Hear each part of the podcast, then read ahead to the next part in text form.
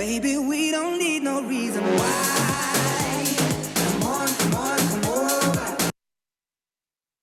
Ya, hello guys, welcome to Malus Podcast. Podcast yang podcast yang awalnya sih nggak pengen bahas game yang dibahas yang jarang di eh yang sering dibahas media sih, cuman sekarang semenjak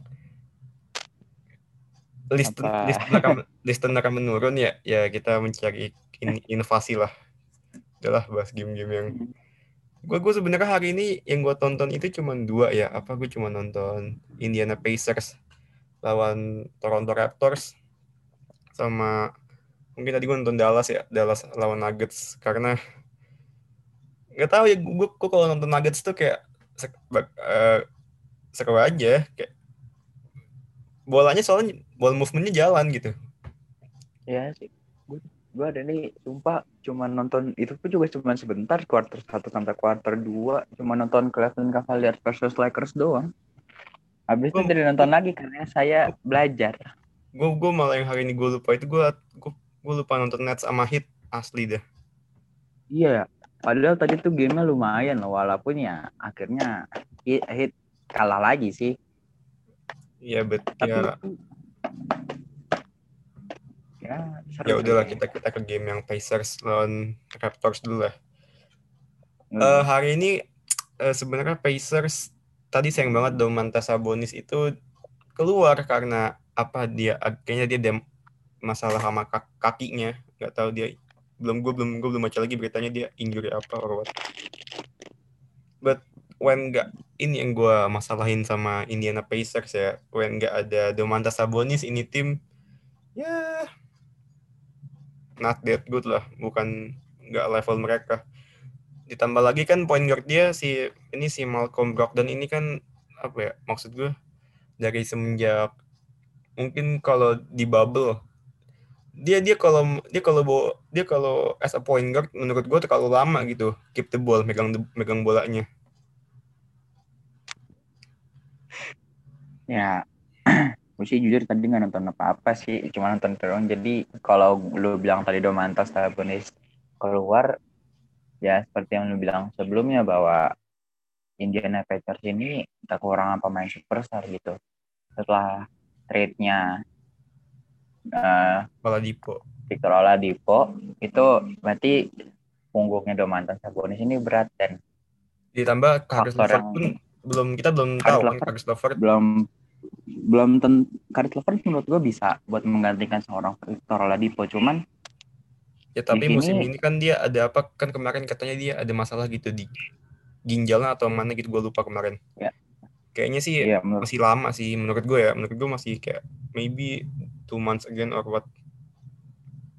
ya tapi kita juga dari gameplay permainan yang beda permainan Victor Oladipo dan Karis Levert ini lumayan beda dan lumayan jauh loh jadi menurut gue Karis Levert nggak bisa. Kayak Victor Oladipo zaman dia di Indiana Pacers menurut gue situ dan sekarang Domantan Sabonis ini menurut gue bakal mungkin bakal menjadi Luka Doncic-nya Indiana Pacers sih. Iya Menurut karena dia itu menurut menurut gue sedikit underrated sih.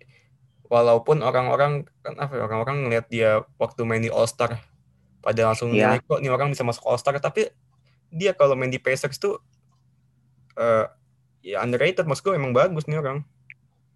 underrated dan nggak selalu bagus permainannya tapi bisa dibilang confidence lah Iya Wah, walaupun kadang-kadang turunnya beneran turun-turun banget gitu.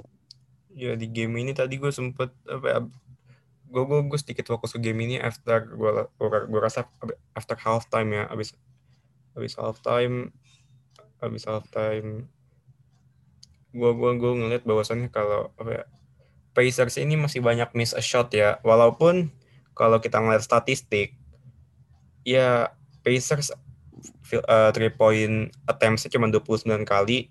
Ya dia dia dia dia nyetak 12 three point sih. Percentage-nya 40% tapi dia itu banyak miss good look gitu.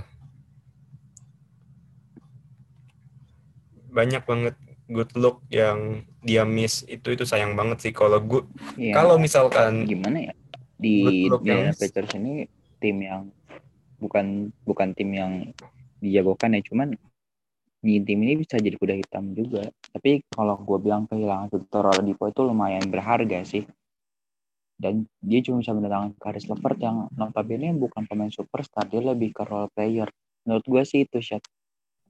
Ya sih Dan ditambah. jadi sekarang Domantas Sabonis ini yang bakal jadi tumpuannya di Indiana Pacers sih. ya ditambah lagi ya Pacers ya Pacers. Iya, kita nggak boleh pungkiri bahwa Pacers Pacers nggak bisa disama-samain. Tapi mungkin bisa aja. ya. Tadi gue nonton gamesnya. eh Raptors hari ini apa maksud gue playing a good zone defense gitu. Mereka tahu bahwasannya Indiana Pacers banyak apa ya op- eh, ada beberapa eh, good look yang miss. Nggak bukan beberapa lagi sih menurut gue. Lumayan banyak. Ya lumayan. Ya gue rasa gue nggak tahu ya zonnya zonnya Nick Nurse ini menurut gue agak sedikit apa ya unik gitu karena Struggle. bisa fleet gitu maksud gue bisa fleet bisa fleksibel dalam artian nggak biasanya kan kalau orang main zone stuck di misalkan 2-3 or maybe ya Satu empat. Ya or, or, or lah. Tapi kan kalau zone ala Nick Nurse ini menur- menurut gue agak lebih fleksibel karena kadang-kadang bisa tiba-tiba berubah jadi 2-1-2 atau mungkin 3-2, 2-3 I- tadi gue gue ngelihat zone defense-nya Raptors keren sih. Maksud gue ya emang. But ya ini tim kan hari ini eh, Raptors kan Pascal Siakamnya nggak main ya Ya. Dan Mhm. menurut gue ya, wah, karena Pascal Siakam gak main ini yang ngebuat Raptors kalah. Karena kalau misalkan ya Pascal main, ini bagian pa, apa uh, paint areanya Indiana Pacers ini nggak terlalu nggak terlalu bagus loh Syed, kalau kita bilang cuma ada Mas Tanner gitu dan pemain sekelas Pascal Siakam pasti bisa melewati paint areanya yang bisa dibilang lumayan struggle sih di bawah di paint areanya Indiana Pacers. tapi sebenarnya ini sih yang Raptors yang pengen gue lihat ya. Apalagi kan ini apa ya game ini kan game yang ke kalau nggak salah kemarin juga Pacers ketemu Raptors Raptors win 107 102 hari ini ya Raptors. Kalau tapi ini Raptors yang gue tunggu gitu. Maksud gue Raptors yang oke Raptors startnya di awal nggak terlalu bagus gitu. Dia start di awal agak jelek tapi sekarang menurut gue Raptors udah mulai naik naik naik naik Eh, Raptors kan abis ini ketemunya Bucks, abis itu ketemu ya musuh, abis ketemu Bucks ya ketemu Kings, Magic, yang menurut gue bisa lah jadi makanan makanan buat dia. Iya. Dan kalau buat Hmm. Pacers ya Pacers itu eh, apa ya? Menurut gue good pointnya, untung aja mereka punya start yang oke gitu. Dia mereka punya start yang oke, jadi Oke. ketika sekarang memasuki kayak ini kan udah mau- udah udah mau 18 games lebih ya. Eh udah mau 18 games. Jadi dia di kira-kira akan 18 mau menuju games. pertengahan musim ini udah punya apa ya? Kayaknya tabungan gitu, tabungan simpenan. Dan Hmm, ya Pacers sih menurut gue kalau musim ini ya, at least Domantas Sabonis bisa main full ya. Menurut gue walaupun gak bisa sampai playoff, at least gak sampai ke bawah-bawah banget gitu. At least urutan 10, 9 masih bisa dia. Kalau Domantas Sabonisnya fit ya sampai akhir akhir apa? Akhir musim gitu. ya kalau kalau Malcolm Brogdon always can good eh al- always playing good ya menurut gua ini tim ya still oke gitu walaupun nggak ada Victor Oladipo. mungkin Habis itu itu ya I think itu aja. Terus lanjut ke Ya. game lanjut ke game game? Lakers, Lakers Lakers, against. Warriors ya. LeBron. Cavaliers ya. LeBron the king is back. Enggak sih, enggak gue gak tahu ya. The king is back cuman yang gue tahu adalah ini ke setelah 2018 LeBron James melawan Heat dan dia bisa mencetak 45 poin plus dan ini adalah uh, setelah di Lakers yang 45 atau 46 poin. Hari ini LeBron bisa mencetak itu dan menurut gue The Kings benar The Kings sih menurut gue dan patut dia dibilang The Kings. Iya. Karena dengan umurnya yang udah nyebut udah hampir segini dia bisa bisa sampai 46 poin itu susah loh. Ya dan Walaupun kalau akan ditambahin triple double, wah makin ngedak sih.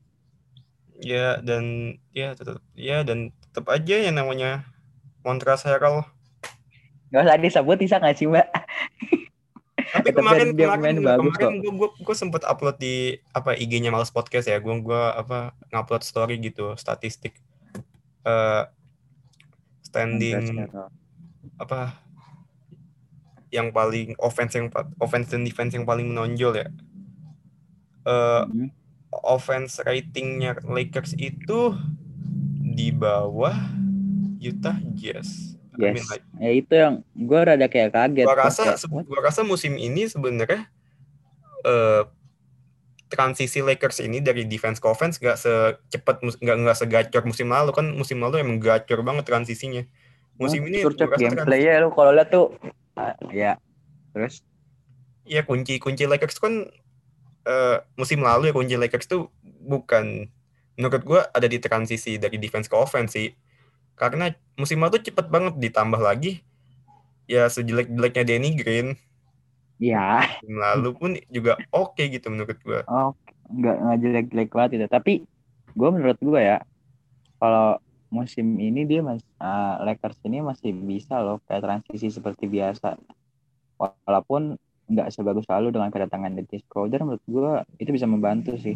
Apalagi kan KCP kan udah Schroeder, balik. Schroeder tetap butuh istilah still pengalamannya menurut gua masih agak pengalaman ya pengalaman ya pengalaman bermain itu butuh gitu. Iya sih dibanding Rajon Rondo. Terus ya kelihatan kok tadi pas lagi dia mendapatkan passing dari wing terus di passing ke dia dia dia nggak tahu harus ngapain dan akhirnya dia passing ke LeBron. Atau mungkin itu adalah taktik yang ngebuat LeBron shoot from logo Cleveland Cavaliers. Menurut gue kalau misalkan nggak masuk pun pasti itu anak juga bakal kena sama LeBron sih. Dan harusnya LeBron harusnya udah mulai dewasa dan membolehkan nggak bukan dia sebagai closing shootnya. Menurut gue sih itu sih. Karena Lakers ini kalau tetap berpan tetap berpacu dengan LeBron James LeBron James dan LeBron James menurut gue ke depannya nggak bakal step up sih. Walaupun kita bisa lihat ada pemain muda yang lumayan gitu di Lakers. Iya menurut gue sebenarnya problematika Lakers itu udah ke fix gitu. Dia ada apa ada shooter Wow, Wesley Matthews. Walaupun menurut gue ini pemain nggak terlalu apa ya nggak ya nggak nggak nggak nggak nggak oke oke banget lah. Tapi ya I think he's good gitu. Ya mungkin kalau sama Danny Green gue tetap megang Danny Green ya. Danny Green gitu. Tapi Ya sih, tapi menurut gue ada Danny Green- faktor di mana Caruso Caruso itu nggak nggak sehebat musim lalu menurut gue itu juga jadi masalah buat Lakers.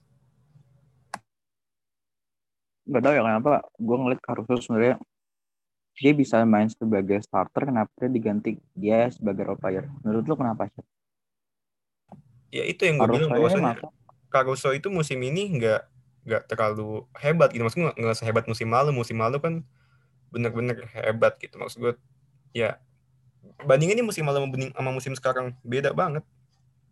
Iya sih, tapi lu sadar nggak bahwa Caruso ini uh, best three point di season gitu, three point percent in season kayak Caruso pertama dengan 57 persennya, disusul oleh Seth Curry dengan 56 persen dan disusul oleh KCP dengan 56 persen gitu. tapi kan Menurut gua Frank ya, Vogel ini nggak, Frank Vogel ini nggak nggak harus tapi kan Caruso bahwa ini apa takes apa ya eh, nembak trinya lebih sedikit pasti daripada Stephen Curry ya kalau Stephen Curry nggak usah ditanya.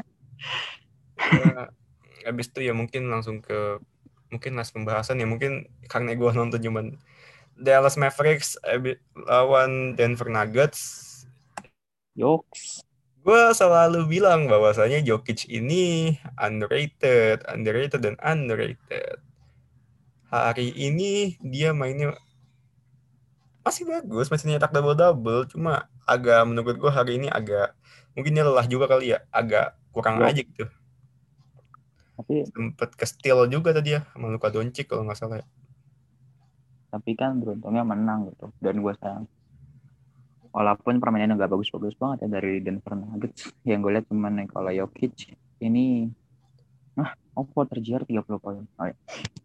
menurut gue Nuggets ini masuk kalau dia West uh, Eastern Finals. Menurut gue masih masuk sih buat musim Nuggets ini. ini kan apa ya tim yang selalu ya di kuda hitam.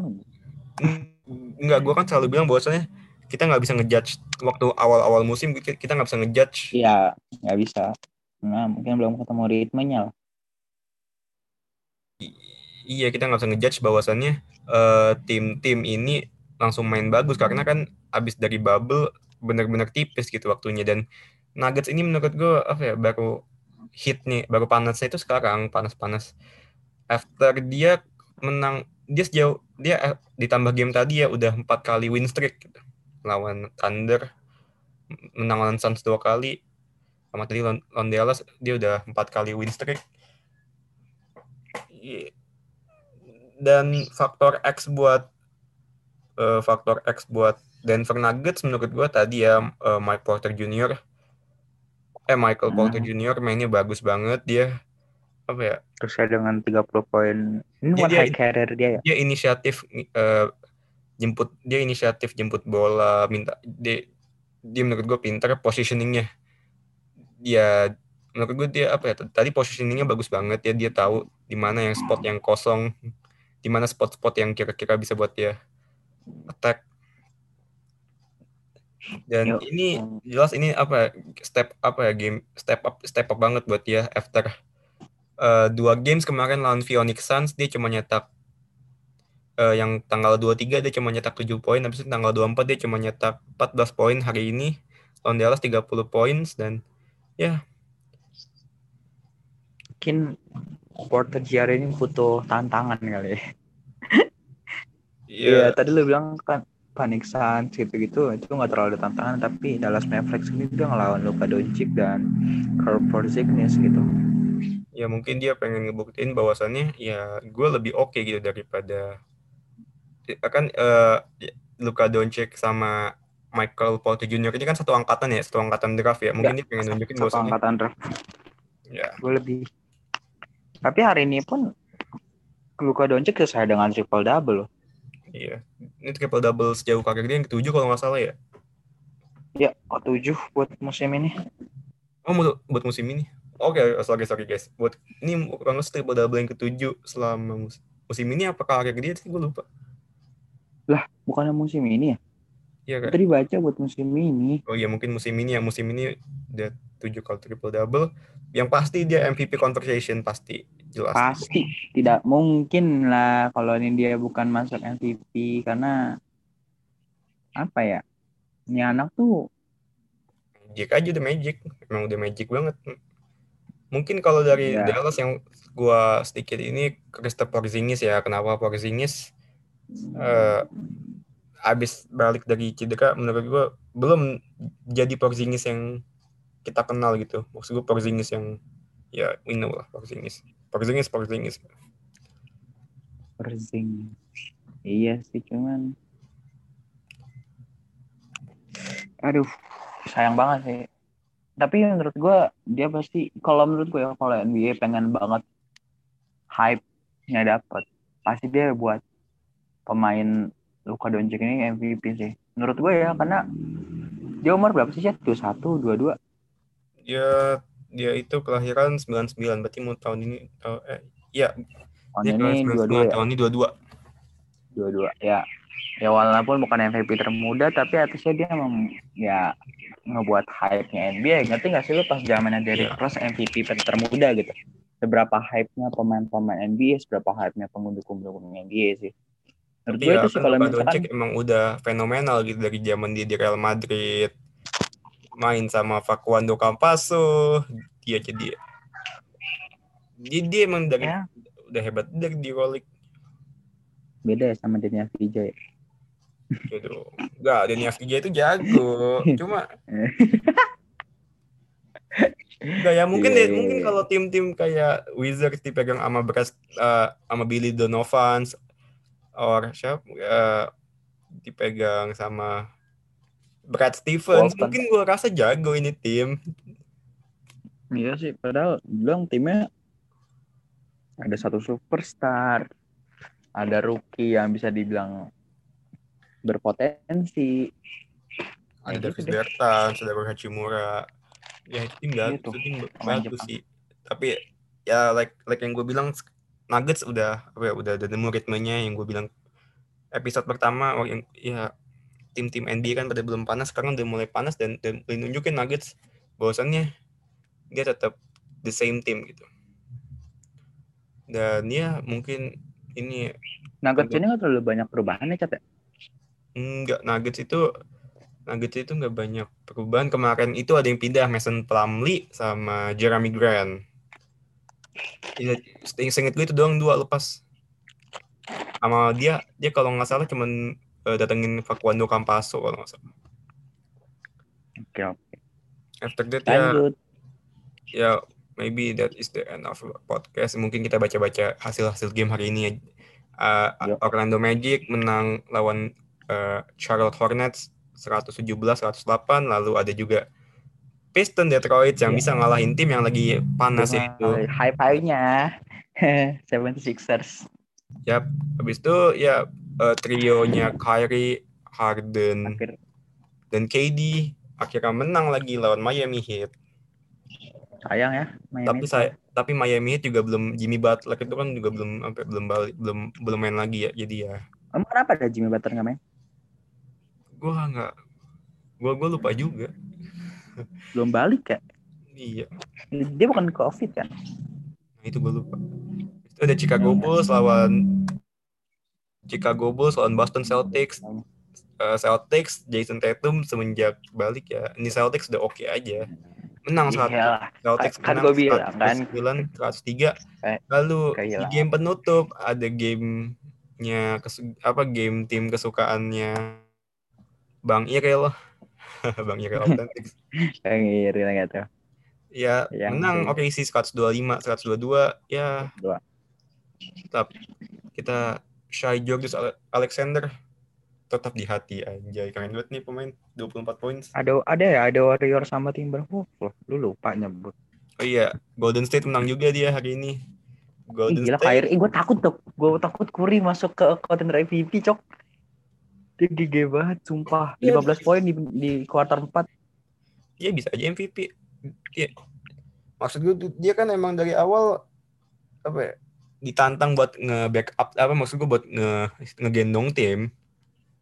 Dan Iya. seja- dan sejauh ini berhasil berhasil aja gitu. Maksud gue dia tim ini G- Golden State ini udah, men- udah menang 9 kali walaupun eh, dia udah kalah 8 kali juga sih. Tapi sejauh ini oke-oke aja sih. Maksud gue peringkat 8 Baik. Apalagi kalau Clay balik ya. ya dan paling ya Lu sadar gak sih kalau Mungkin- misalkan Curry main sendiri, kalau lu sadar gak kalau Curry main sendiri tuh kayak dia nunjukin siapa dirinya yang asli gitu. ya Tapi kalau dia main bareng ya Clay Thompson dulu zaman ada KD dia tuh ngalah. Pemain yang kan ngalah. tapi kan emang Curry itu IQ-nya visionnya ada makanya dia as a point makanya dia elite point guard karena dia nggak cuma sekolah yang dia passing juga ada visionnya jalan gitu Hmm.